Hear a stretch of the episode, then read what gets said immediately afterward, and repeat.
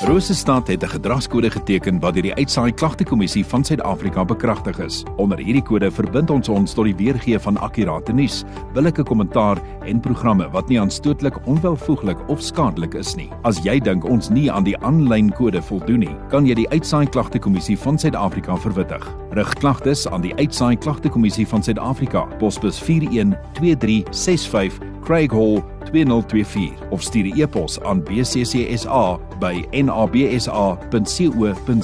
Vir verdere inligting, besoek www.bccsa.co.za.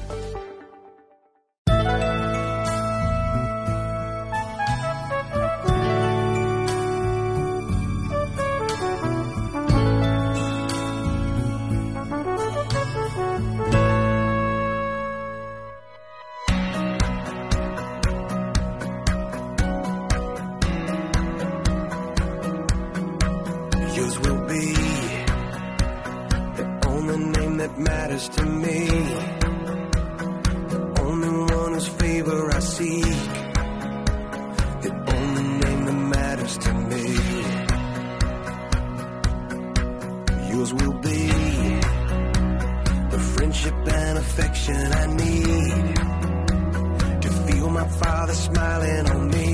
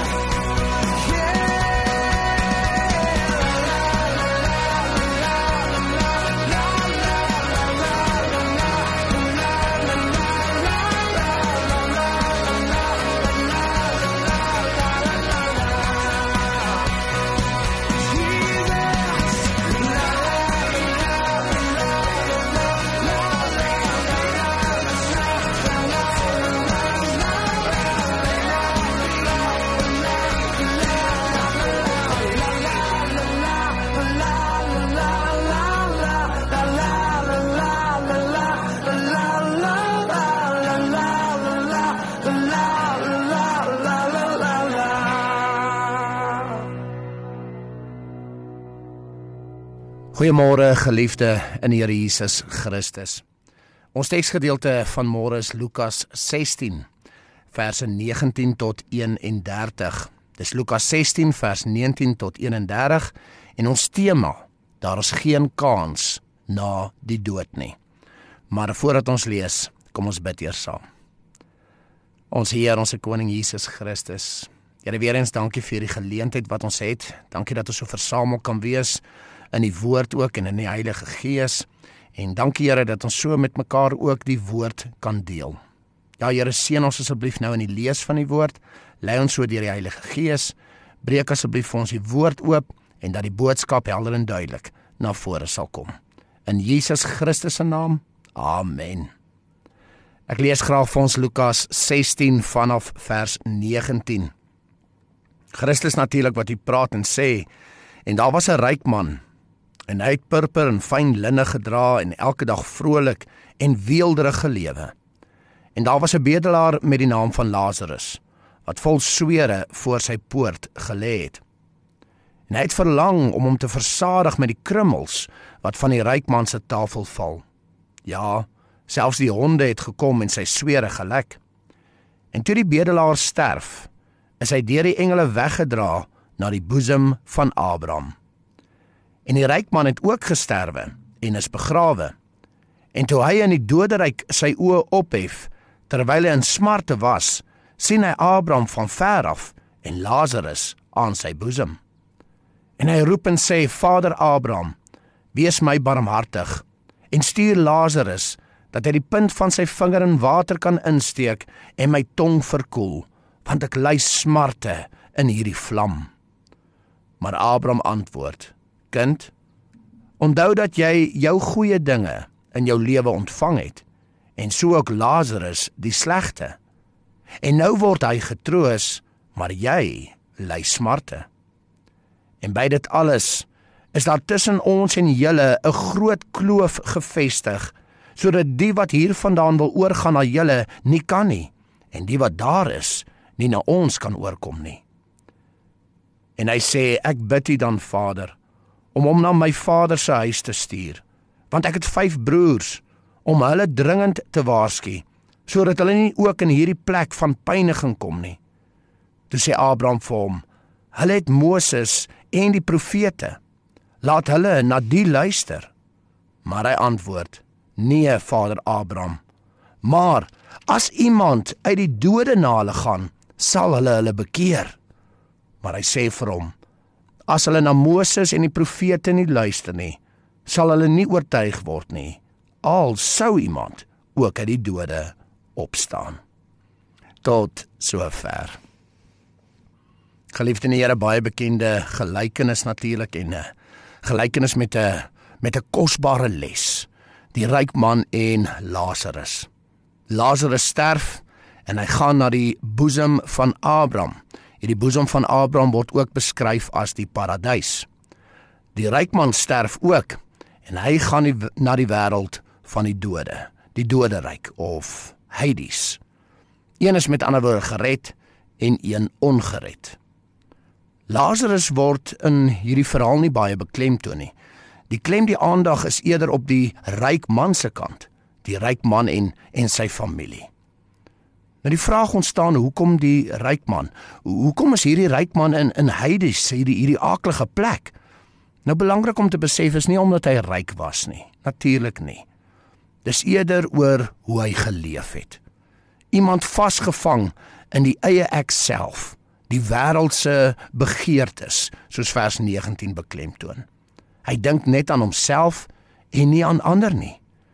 Vers 21 Die arme arme man kry net krummels en hy leef in weelde. Maar nog 'n groter rede hoekom hierdie ryk man in Hades is, sien ons onder andere in verse 29 tot 31, veral vers 31 wat vir ons die groot rede verskaf. Hy en sy broers het nie geluister na Moses en die profete nie, na die wet en die profete nie, die geskrewe woord van God Ou Testamenties. Hoekom wou hulle nie luister nie? Want hulle glo dit nie. Hulle glo nie die waarheid nie. Hulle glo nie hierdie geestelike waarheid nie. Hulle glo nie in God en in God se waarheid nie. Daar's met ander woorde 'n ongeloof. Ons sien dit mooi in vers 30 met die woorde: Hulle moet bekeer. Hulle moet omswaai, omkeer na die Here. In vers 31 bevestig Jesus Christus deur ook te verwys na homself. Wie het wel opgestaan uit die dood? Ons weet Christus het. Hy sal in hierdie gelykenis weet ons dat Christus uh, wys ook vooruit na sy opstanding.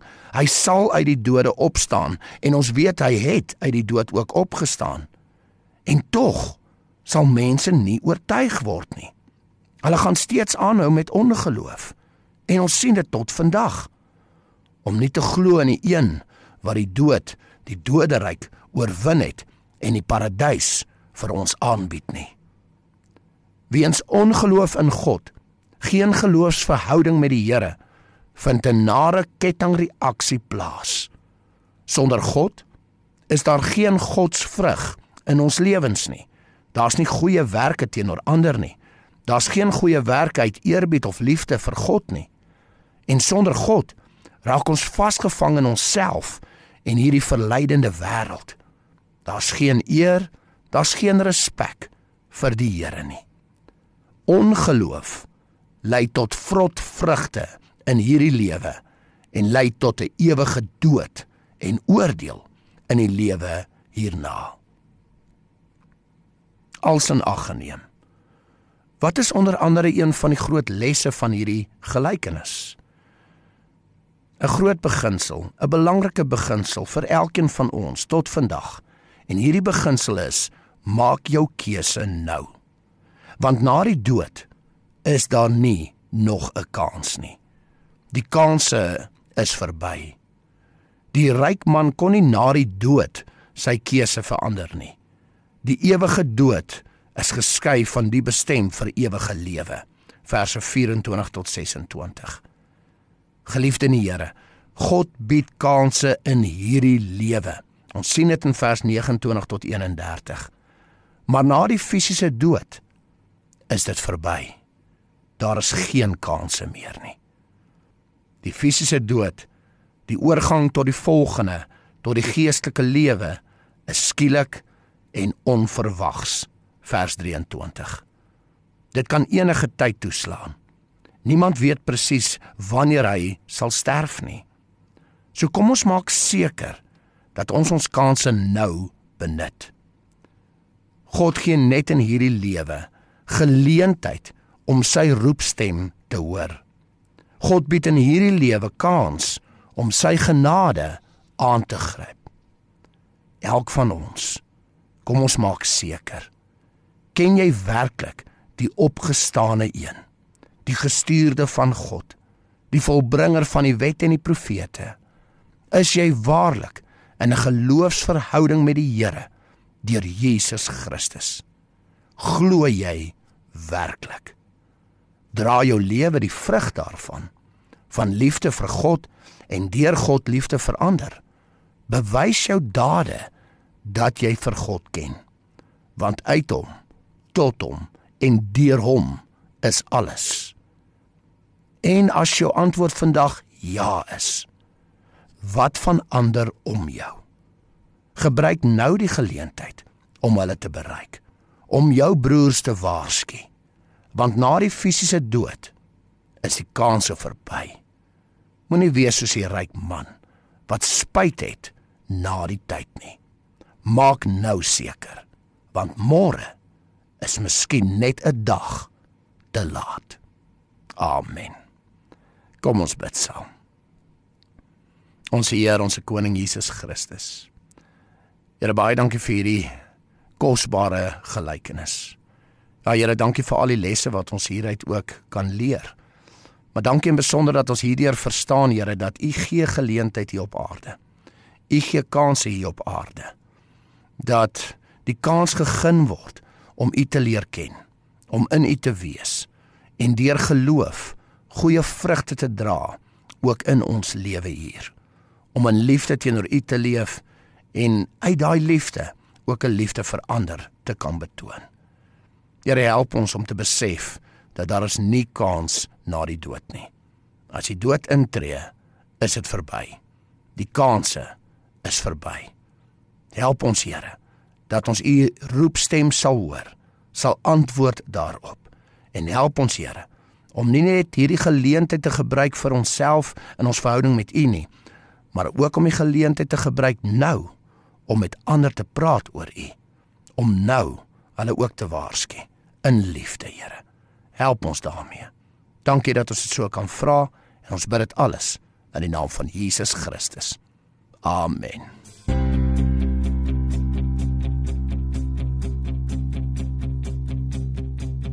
Ek staan vas met die gordel van die waarheid. 'n Hart vir geregtigheid. Ek sal veg tot die einde. Ek staan vas in die skoene van gereedheid. Die skuld van my geloof in U.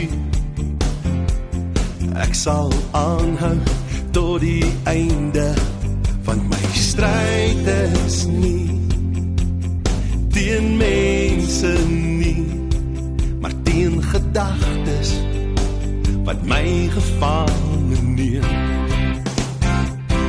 Jesus is die lig op my pad en 'n lamp vir my voete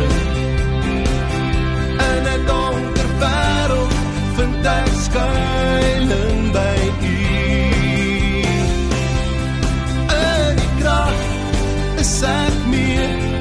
as oorwinnaar die woord die rots waarop ek staan.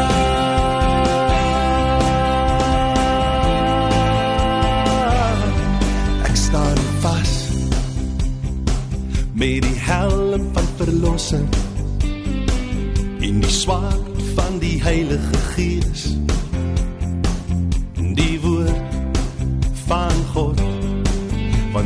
stryd is nie. Teen mense nie maar teen gedagtes wat my gevange neem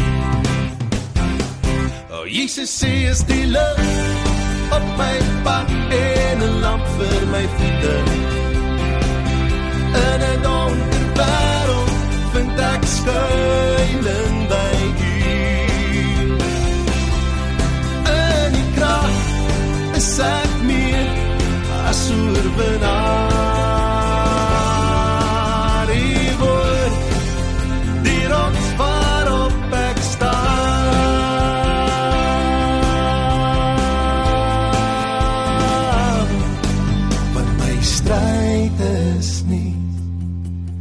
teen mense nie maar teen gedagtes wat my gevange neem Jesus is die lig op my pad en 'n lamp vir my voete. In 'n donker wêreld vind ek skuil